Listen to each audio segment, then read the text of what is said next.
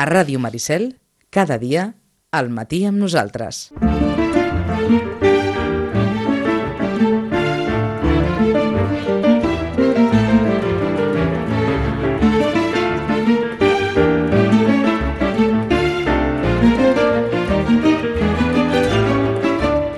Onze i 18 minuts i els que hagin comprat ja, perquè és a la venda des de dimecres de la setmana passada el laberinto de los espíritus, hauran vist a la portada una fotografia d'un nen davant d'un aparador ple, ple, ple de llibres. Una fotografia en blanc i negre.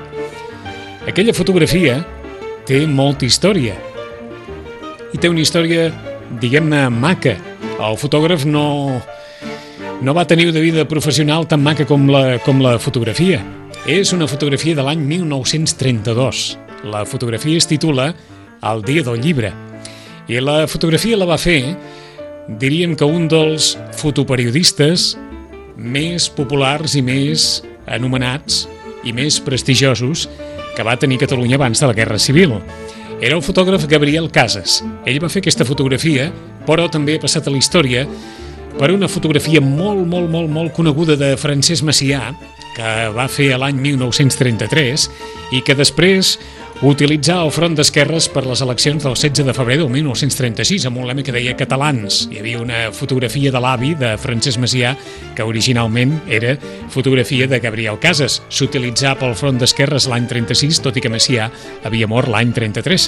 Bé, arran de tot això, Gabriel Casas, l'autor de la fotografia de la portada del Laberinto de los Espíritus, va caure en l'absolut ostracisme durant el franquisme. No va poder publicar mai més una foto a cap diari i es va haver de dedicar a la fotografia industrial, al retrat, etc etc i va morir als anys 80 a Barcelona. Per tant, eh, Carlos Ruiz Zafón escollit per la portada del seu llibre una foto que té molta història, més enllà de la història del Laberinto de los Espíritus, que és el llibre que tanca la tetralogia que va començar amb La sombra del viento. Ens ha agradat fer aquest, aquest punt històric perquè la portada és una portada maquíssima, una portada d'aquelles que a qualsevol llibreter, sens dubte, li agradarà. El que no sabem és si és un aparador de la llibreria Catalònia o si és un aparador d'algunes de les grans llibreries de la Barcelona dels anys 30. Rosana Lluc, bon dia i bona hora. Hola, molt bon dia. El llibre s'està venent com...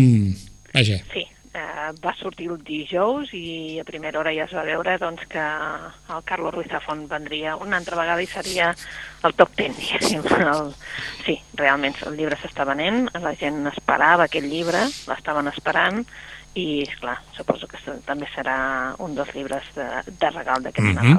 Nadal. El, eh? algú se l'ha llegit del tot i ja t'ha dit alguna cosa? No, No. encara no, i jo reconec que tampoc no ho he fet, i llavors, bueno, és allò...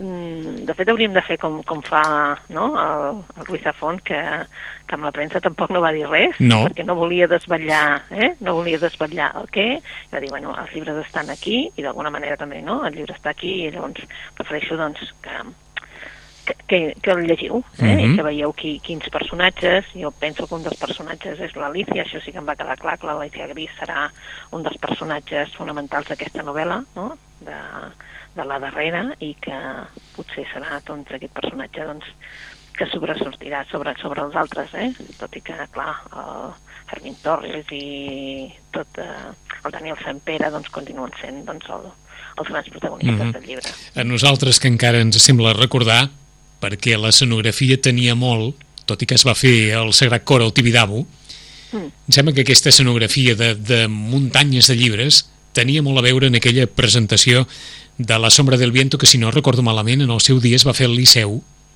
a l'escenari del Liceu, convertit en una, en una biblioteca, en una de les presentacions literàries d'aquelles que va despertar Sí. més expectació en els mitjans i a tot arreu, no, Rosana? Sí, el que no recordo si va ser La sombra del viento o El juego del ángel. Jo, jo el que no recordo és aquest. No sé quin, si quin dels ser... dos? Però Jo- recordo jo que va ser una presentació d'aquelles, però memorable. Jo diria que va ser el segon per Ahà. una qüestió, eh, Vicenç, perquè hi havia molta premsa, molta premsa estrangera. D'acord. I per tant... I llavors, per això dic, eh, ja, havia, ja havia tingut l'èxit. Recordo això, eh? Llavors Mhm. penso, ja devia haver tingut l'èxit del, del Rosafont, perquè Està veritat, clar. el primer, doncs, eh, te'n recordes que el Joschka Fischer a Alemanya va dir que no es podia perdre ningú aquest llibre, Sí. per, per quan li van preguntar Sí. quina lectura d'estiu, llavors a partir d'aquell moment que els llibreters es veu que ja, ja estaven doncs, eh, fent la seva promoció, etc etc, però que llavors eh, a partir d'aquell moment els alemanys van quedar bocada, Ahà. badats també amb el llibre, no? I jo recordo que hi havia premsa estrangera, per tant, Doncs, penso evidentment, que devia ser el segon. el segon. Eh, penso, eh? Penso, eh? Però allò va ser de tota una- manera allò va ser espectacular, eh? No ha passat mai més una cosa igual, eh? No, suposo perquè el Liceu també per nosaltres és, no? Sí. Eh, És, és, mm, i, I clar, l'escenari és com més gran, o, o ens ho sembla, m'ho Mhm. va semblar a mi, eh? L'escenari eh, també hi havia més llum, aquí clar, eh, la veritat és que eh, aquí al Tibidabo mm, la llum que li van donar, saps allò, aquell fum que era, que no era fum, però que, Sí, que sí. semblava tot una... Una eh? atmosfera tota misteriosa, eh? Mm, Sí, la veritat és que donava aquest punt de- d'intriga, de, Ah. misteri, tot plegat, que també la veritat és que els de promoció i màrqueting mm, cada vegada ho fan molt bé, eh? Mhm. perquè cada un dels llibres és el que tu dius, no? El Liceu, la Capella dels Àngels, eh, ara el Tibidabo, mm, tot és una posada en escena que, que també és veritat que doncs l'autor també s'ho mereix, no? Um, posar... I ens sembla que no deu haver fenomen comparable al d'una tirada inicial de 700.000 exemplars.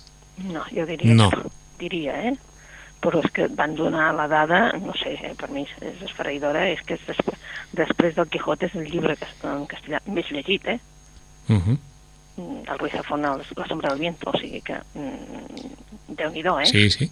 Déu-n'hi-do, que sí, aquest autor és l'autor més llegit després de... Del de- Quijote. Del Quijote, sí. Mm, Ho he llegit en un diari, eh? Fet això, això és una, això és una elipsi, eh? Després del Quijote anem a Carlos Ruiz Zafón. Sí, sí, ho he Perquè- llegit en un diari i he pensat, mare de Déu, eh? A, ve, a veure, hem, hem, hem començat per aquí per desplaçar Carlos Ruiz Zafón de la resta, perquè la resta és Todo esto te daré. Sí, S'està venent molt. molt.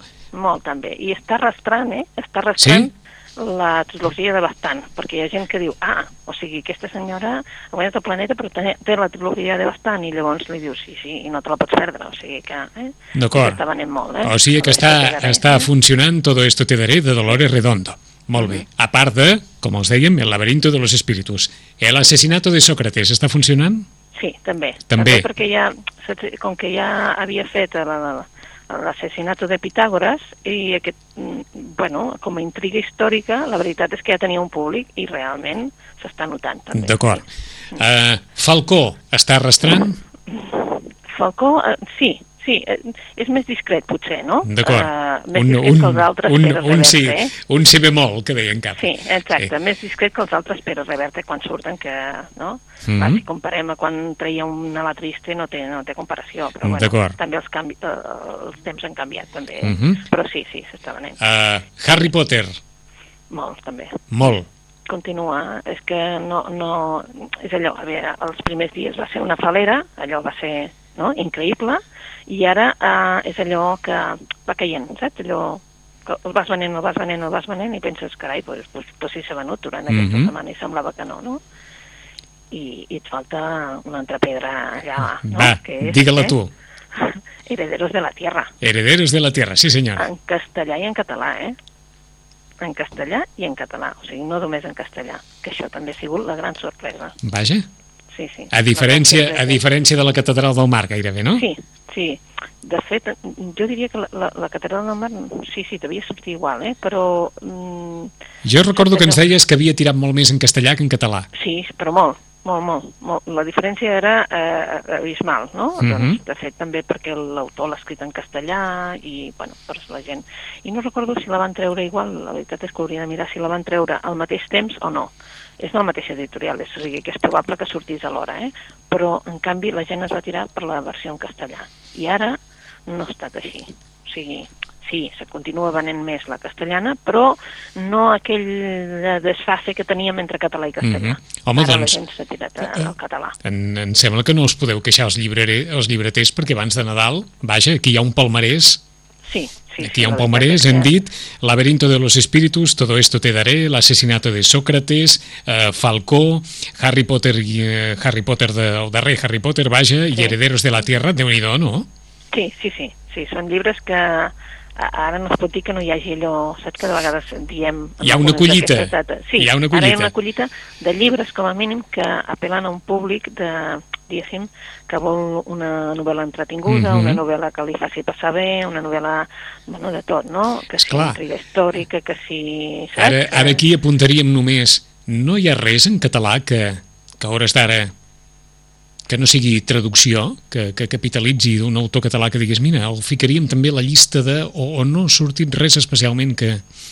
Sí, que- bueno, el Ramon Solsona va darrere, eh? D'acord, però el que d'acord. passa que va darrere, clar, la diferència és, clar, quan, quan mires números, potser la diferència és molt gran, eh, però clar, eh, és normal, no?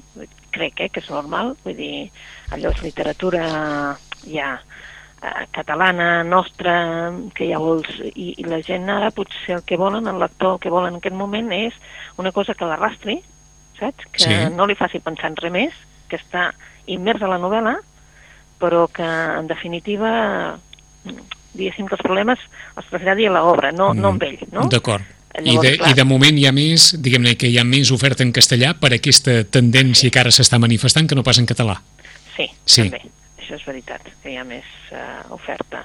El que passa que eh, el laberint dels esperits eh, aquesta vegada ha sortit el mateix dia, que això no passava. Mhm. Pensa que todo esto te daré també s'està venent en català. Mm? Esclar. Et donaré tot això. Però, clar, la gent, perquè hi ha gent que ha llegit la trilogia de Bastant en català i no vol llegir-la al Planeta en castellà. Diu, no, no, jo com que vaig llegir la trilogia de Bastant en català, doncs vull ara aquest també en català. I sí que això ha sortit en molt pocs dies de diferència, aquest no ha sortit igual, però ha sortit en molt pocs dies de diferència. El laberint dels esperits ha sortit el mateix dia, per tant, Sí, però el que passa que d'autor així català i escrit directament en català, doncs sí que hi ha oferta sobre la taula, però potser, mm, clar, el que apela més és, és, és aquests que són grans títols, no? Diguéssim, Mhm. de, de títols que van a un públic més general. D'acord, o sigui que després hi ficaríem, o hi ficaríem a llarga distància allò que va passar a Cardós, de Ramon Solsona, d'acord, però a distància ja, eh?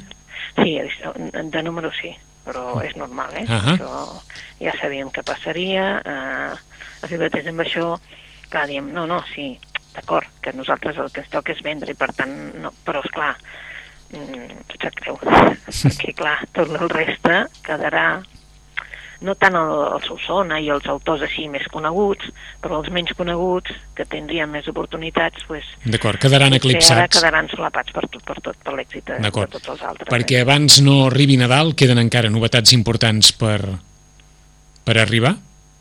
D'autor català així d'aquells puntera, no. No. I No. de que- i d'autor en castellà?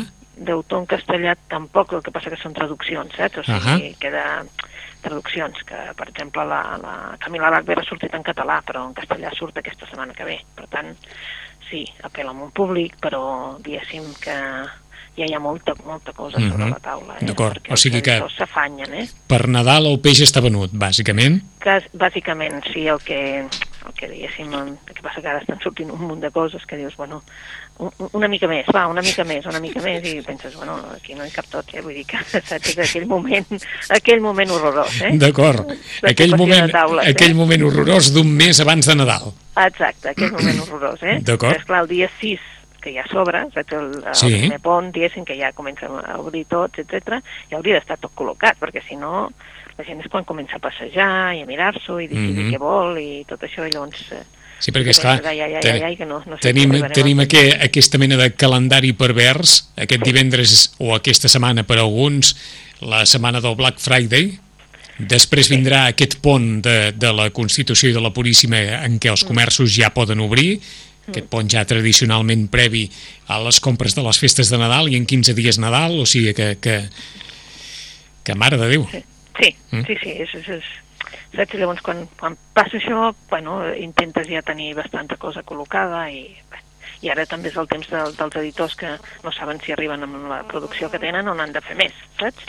D'acord. Eh, si, si la situació... Home, hem de suposar que la d'en Carlos Ruiz Zafón aguantarà, perquè 700.000 exemplars, vaja, no crec que s'esgotin abans de Nadal, no? No, jo crec que no, aquest, aquest aguanta, saps? Però després hi ha títols que, que s'han estat venent eh, durant aquestes darreres setmanes que, és clar se suposa que continuaran, com el, el d'Aramburu, per exemple, Sí. l'editorial Tusquets, el Pàtria, doncs clar, ja porta tres, o- tres edicions, em sembla, doncs Mhm. clar, mm, han de pensar si en tenen prous o no, perquè saps, com que trenquen estoc i llavors doncs, també ens quedem així mig eh, que no sabem què fer, Mhm. doncs, eh, clar, eh, han de preveure-ho, no? Perquè pat, aquest, eh? mm, Pàtria, tot i que sigui un totxo-totxo, està sortint també. Sí, és un, Està de, sortint. un dels llibres més venuts també. És un dels llibres més venuts. Sí. I no és una temàtica fàcil ni és una, ni és una lectura d'aquelles agradoses. No, no és agradadosa, però és fàcil de llegir. Ahà. Això també fa que, que la, la gent s'hi acosta i s'hi acosta sense, saps allò, amb, amb gratitud, diguéssim. És a dir, és fàcil de llegir, eh, parla, sí, d'un tema, doncs, de, clar, la convivència dels 30 últims anys al País Basc, doncs, també és una cosa que n'hem n'hem parlat sense conèixer gaire nosaltres també, però, vaja, et, et, et porta la novel·la, Mhm. també, eh? La veritat és que et porta, no, malgrat que sigui un totxo, no, no hi fa res perquè et porta la novel·la. D'acord. Doncs obrim l'apartat de recomanacions i per on comencem, Rosana? Doncs mira, avui volíem començar d'una manera molt diferent, molt diferent per, perquè també està sortint tota una sèrie de llibres que no són les novel·les aquestes que, que estan en els més venuts, etc, però que també doncs, poden aportar un altre tipus de públic, no? Mhm. Perquè a vegades, eh, igual que nosaltres ens vam acostar no? a la lectura a través de, dels tebeos, quan dèiem, nosaltres dèiem els tebeos, no? doncs també hi ha ara els còmics. I hi ha còmics preciosos, no només els mangas, que això és el que els apela més amb els nanos joves, sinó còmics Sí. preciosos per adults. Eh? Mhm. Per exemple, les biografies, de, en aquest cas, de Modigliani. Modigliani, Príncipe de la Bohèmia, l'ha editat Norma, ja havia editat lo de Picasso, ja havia editat un llibre preciós que són Los últimos dies de Stefan Zweig, eh? Mhm. i ara edita la de Modigliani. I clar, què ens aporta? Doncs, clar, amb, amb el còmic de, de, el del Sexy, eh, Sexy que, i Lejans han fet un còmic en el que veiem el Modigliani en la seva etapa clar, d'artista bohemi, vivint a la misèria, mm, carrers de París, anys 20, no? I també, clar, veiem el seu amor, vale? la gent Hebutern, eh, companyera de viatge, però també no només de vida, sinó també d'amor, perquè, doncs bé, acabarà, doncs, eh, doncs la seva vida molt aviat, perquè, clar, el Modigliani va morir que em sembla que només tenia... Era molt jove. 35, Era Sí. molt jove, no? Però bé, Sí, sí, em sembla, que no, ten, em sembla que no tenia ni els 40. no, no, em sembla que, que no hi va arribar. Uh. -huh. eh? Em sembla que tenia 35 o 36 anys. Clar, llavors, amb aquest còmic tu veus doncs, eh, tots els, els claroscurs de la seva vida, no? De com pateix, perquè, doncs, com, eh, clar, ho prova tot, no?, diguéssim, i per tant, doncs, com acaba tot, no? Però és un còmic, doncs, que et porta cap aquí, no? cap a aquesta biografia del Modigliani.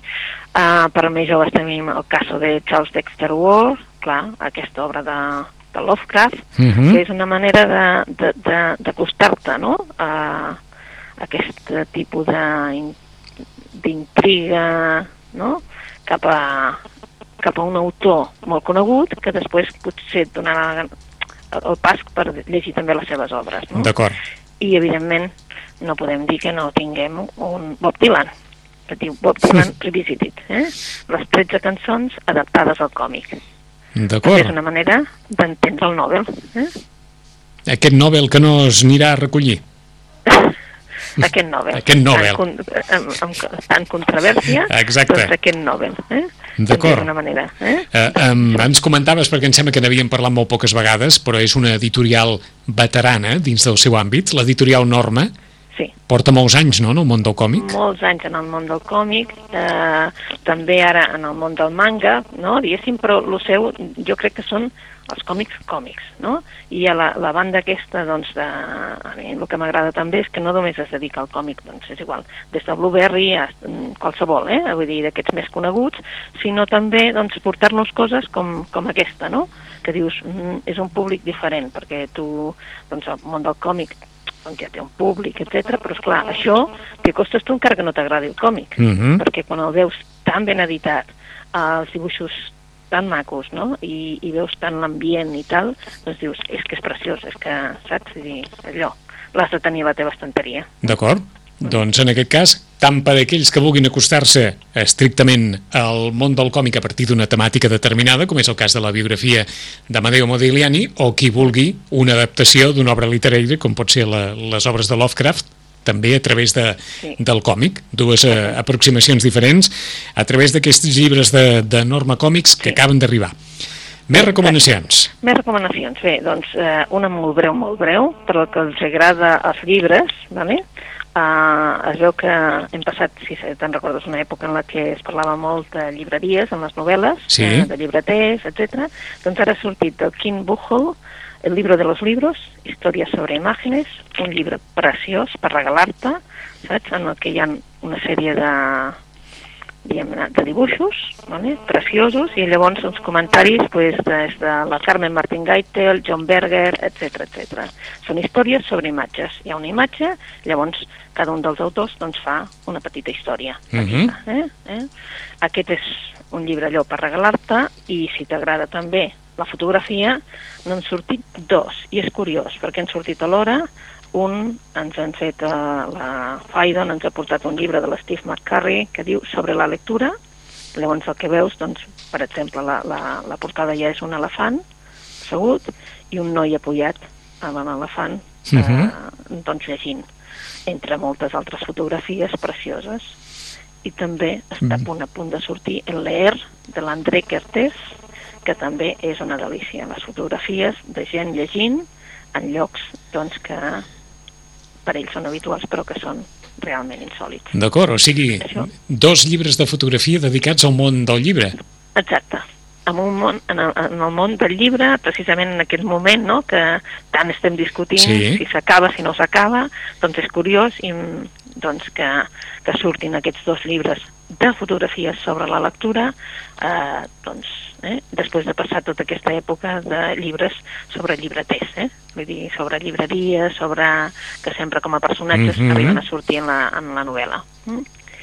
i si vols un llibre molt curiós, molt curiós, Sí. només per aquells que els agradi doncs, eh, la part sociològica eh, també de la, de la lectura, hi ha un llibre que acaba de sortir, que és de Perifèrica, eh, és una aventura que ha fet Perifèrica, que es diu La casa de los 20.000 libros, mm? de Sasha Abramsky. I el Sasha Abramsky resulta que és un periodista, vale? um, que és, eh, el que ha fet és anar a casa de l'avi, Mm perquè durant molts anys el Chimen Abramsky i la seva dona, la Míriam, eh, vivien a Londres i van organitzar allò, doncs a casa seva, doncs una sèrie de trobades amb intel·lectuals de l'època, vale? la Míriam s'encarregava doncs, de, de convocar i de fer sopars i d'això, i el, el Chimen Abramsky el que s'havia dedicat tota la seva vida és a tenir llibres, i la portada és una portada preciosa, pel que ens agraden els llibres, no? de llibres antics, però és que hi ha un vídeo que ens ha enviat, que deu córrer per YouTube, que ens ha enviat a l'editor, en el que la casa està plena de llibres, vol dir, plena vol dir que fins i tot en el dormitori hi han llibres i llibres Mhm. i llibres. És que estic mirant la portada sí. i gairebé les portes de la casa eh, Sí. estan literalment encaixades dins de les, Exacte. dins de les llibreries perquè amb prou Doncs- feines pot obrir la porta perquè hi ha llibres eh, a costat i costat sobre la porta hi ha llibres a, a tot arreu o sigui que on no hi ha llibres hi ha espai lliure però, Exacte. però si no hi ha llibres a tot arreu pues, mira, és un senyor que va néixer a Minsk, vale? el 1916, mm. però eh, bueno, va passar eh, bueno, uns anys a Moscou i se'n va anar cap a Londres. I allà ell va descobrir els escrits del Karl Marx, fins al punt que té fins i tot el carnet de, del partit I del comunista. Karl Marx. Eh? Vull dir, sí. Eh, ell se'n va anar a la Universitat Hebrea de Jerusalem i la Segona Guerra Mundial doncs, una mica doncs, li va tallar tot, però se'n van tornar cap a Anglaterra, es va casar i mm, bé, van tindre com una llibreria petitona en l'East End i el que van fer bueno, va ser doncs, recollir llibres i llibres i llibres doncs, de... ell realment eh, de fet, aquest senyor el que va fer és omplir casa seva, omplir la llibreria de llibres, però llibres que, evidentment, després, amb totes aquestes reunions que feien a casa seva i tal, doncs hi havia gent com el Eric Hobsbawm, l'Isaia Berlin, és a dir, que després ells mateixos el van convidar a anar a la universitat, va acabar donant classes a la universitat, va ser un senyor que era doncs, un, un especialista en, en, en amb escrits antics, etc. La cadena Sotheby's, eh, la casa de subhastes, la, el va fitxar també, perquè evidentment doncs, aquest senyor n'hi tenia moltíssim, perquè havia passat la seva vida entre llibres. Uh -huh. um, és una... Ell aquí el que fa doncs, és recollir totes les històries d'ells de, i la veritat és que és impressionant. Però també haig de dir que només ens interessen els que ens interessen els llibres. Eh? Està clar. És el, és el fill o el net el que escriu? El, el net, el net. El net, eh? El net. El és a dir, el net de Chimen Abramski escriu sí. sobre el seu avi sí. i a, aquesta casa que era, que era cenacle cultural plena de llibres. Un home que, com deia, la, almenys ho llegim de les de les notes de premsa, es va afiliar al Partit Comunista, però l'any 1958 va haver de reconèixer mm. els crims cotmesos per, per Stalin i es va reformular ell mateix va reformular el seu, el seu ideari a l'entendre que no podia, diguem-ne que no podia digerir l'evidència de, la, de la història havent-se fet del, del Partit Comunista entre altres coses, de les moltes que, que explica el llibre de la vida d'un home doncs, carregat d'anècdotes i d'experiències de, personals enriquidores. La casa de los 20.000 libros de Sasha Abramski però per a qui us hi agradin els llibres, de debò, eh? Exacte, només perquè us agraden els llibres de debò, sí. Eh? per on seguim, Rosana? Doncs em sembla que no havíem, no, diria que no havíem parlat de, de Buena Família. No havíem parlat no? de Buena Família. No, que en català es diu Tot queda en família. És una, és una obra en la que parla doncs, d'això, de la família. Uh, L'editorial Maeva en castellà ha considerat que aquest és el seu llibre de l'any, llibre de l'any perquè escolleixen entre els seus llibres els llibres que un a l'any que es pot recomanar, que s'ho han passat bé llegint-ho, etc. No? I uh, ara llibres ha fet la traducció. Què ha passat? Doncs que parla d'una família. Home, família, família en tenim tots. Uns, eh, vale? és aquella cosa que de vegades és odiada, de vegades és perfecta, de vegades és imperfecta, cadascú té la que té, no? Però en aquest cas el que sí és que tu eh, eh, moltes vegades eh, veus en els personatges d'aquesta família o bé a tu mateix o bé gent que coneixes. Eh? Mm, de vegades és d'aquelles coses que dius, bueno, hauries de, de fer un renec, no? Bé, hi ha qui té una família, la veritat és que els que la tenim bona, doncs a vegades veiem mm, coses que passen, no? Aquests quatre germans, el Melody, el Jack, la Bea i el Leo, són quatre germans que viuen a Nova York i, clar, són germans que estan esperant, de fet, que la Melody, que és la, la petita, doncs faci 40 anys. Per què? Doncs perquè a partir d'aquell moment podran cobrar una herència. Eh? clar, però, clar, com a tot, hi ha una herència, però mm, també hi ha unes, eh, unes coses que s'han de complir. I el Leo, que és el gran, eh, eh, resulta que, clar, eh, tots temen que ell ho faci saltar tot en l'aire perquè, és clar té una vida una mica, doncs, diguem-ne, que fa el que, li, el que vol. Eh? D'acord, una vida deixar d'anar, vaja. Deixar d'anar, vale? Llavors, clar, eh, què hi ha, doncs, llavors, què pot haver-hi, doncs, aquí? Doncs retrets, enveges, massides, evidentment hi ha de tot, però en definitiva ens parla, és una novel·la carregada d'humor, amb molta ironia, i la veritat és que mm, te la llegeixes molt bé, perquè pots reconèixer els personatges, no?, amb gent, o bé que coneixes o bé que, diguéssim, de, dels teus, no? És una, una família, eh?, i realment és un retrat d'una generació. La veritat és que això, de tot queda en família, o una família per, de bona família, que es diu eh, en castellà, és una novel·la d'aquelles llegidores mm, fàcils de llegir, que a més a més a, a vegades fins i tot molt tendre, però en definitiva molt reconeixible a tots, a tots els, els personatges. Mm -hmm. El llibre comença amb una celebració, eh? En sí. una celebració, en un, en un club, en una celebració d'aquelles de, de, de diners, vaja, i, i entre altres coses, celebren, i així ho diu l'autora, el Dia d'Acció de Gràcies al mes de juliol dins d'aquestes, sí. diguem-ne, aquestes celebracions que les persones sense diners ens poden permetre en qualsevol moment, doncs a partir d'això, a partir d'això hi ha un retrat, com deia la Rosana, de, eh, del context social on es desenvolupa la història. Exacte. De Buena Família, una de les recomanacions, eh, editat per Ediciones Maeva, de Cynthia Daprix Sweeney, articulista però que ha començat a fer novel·les als 55 anys, la seva primera novel·la. I què acabem, Rosana? En què acabem? Pues, doncs amb una cosa diferent. Eh? Sant Mao, Diaris del Sàhara. Bé, comencem amb una nova editorial, l'editorial Rata, eh? la Yolanda Bataller no ha parat fins fer una nova editorial, que és aquesta, l'editorial Rata, i per portar-nos coses molt diferents, molt diferents. Ho he editat en català i en castellà, i la Sant Mao és un, una autora que ja veieu que, clar, que, que, que el nom ja és diferent, no? Bé, doncs bé, doncs eh, ella se'n va cap, a, cap al Sàhara, allà doncs tindrà diferents eh, problemes perquè ella és una dona i vol internar-se en el, en el desert, vol viure en el desert, evidentment tothom li aconsella que no, es casarà, mm, es casarà eh, amb, amb un espanyol, amb, viurà en el, finalment en el desert i per això el que són són uns diaris eh? sí. que més que uns diaris doncs, ens parlen d'una manera de viure, d'una manera d'entendre la vida i la veritat és que um, clar, són diaris com a molt bonics. Mm -hmm. eh? ho, lle un, ho llegim, es va publicar per primer cop l'any 76 aquesta obra.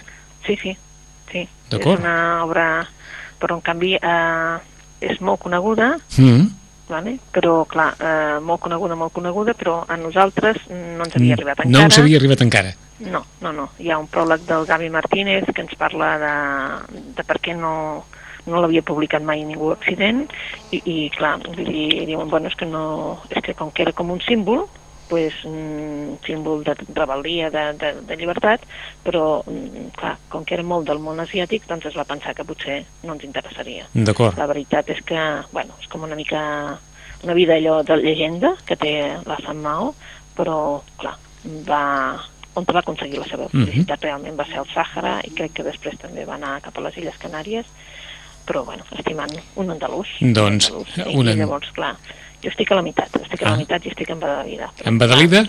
Sí, doncs... perquè són uns diaris, però com que la, la gràcia dels diaris és que no, cal, com, no és una novel·la, per tant, te'ls pots anar deixant uh -huh. i mhm. agafant una altra, agafant, deixant i agafant una altra, i això és el que a mi m'agrada dels diaris. Doncs no aquí, aquí d'alguna manera el captivi el, el món del, del Sàhara. Sàpiguen, Diaris del Sàhara, publicada per primer cop l'any 1976, recull els anys que l'autora, Sant Mao i el seu marit, com ens deia la, la Rosana, José Quero, varen passar en el continent africà. Per tant, aquí tots aquells que es vulguin esplaiar en, en les imatges que els puguin néixer en el cap llegint els diaris, aquí tenen una bona, una bona proposta. Diaris del Sàhara de Sant Mao, l'hem afegit a De Buena Família, de la Cíntia d'Àprix, ho hem afegit a la Casa de los 20.000 Libros, a aquests llibres de fotografia per tots aquells també que els agradin els llibres sobre la lectura i el leer, o hi hem afegit també aquests còmics de l'editorial Norma, còmics per adults, que és un altre registre d'aquells que d'aquells que potser cal explorar alguna vegada perquè es fan coses, com ens diu la Rosana, molt maques i molt boniques de, de poder veure. Per una banda, aquest còmic dedicat a Amadeo Modigliani, Modigliani, príncipe de la Bohèmia,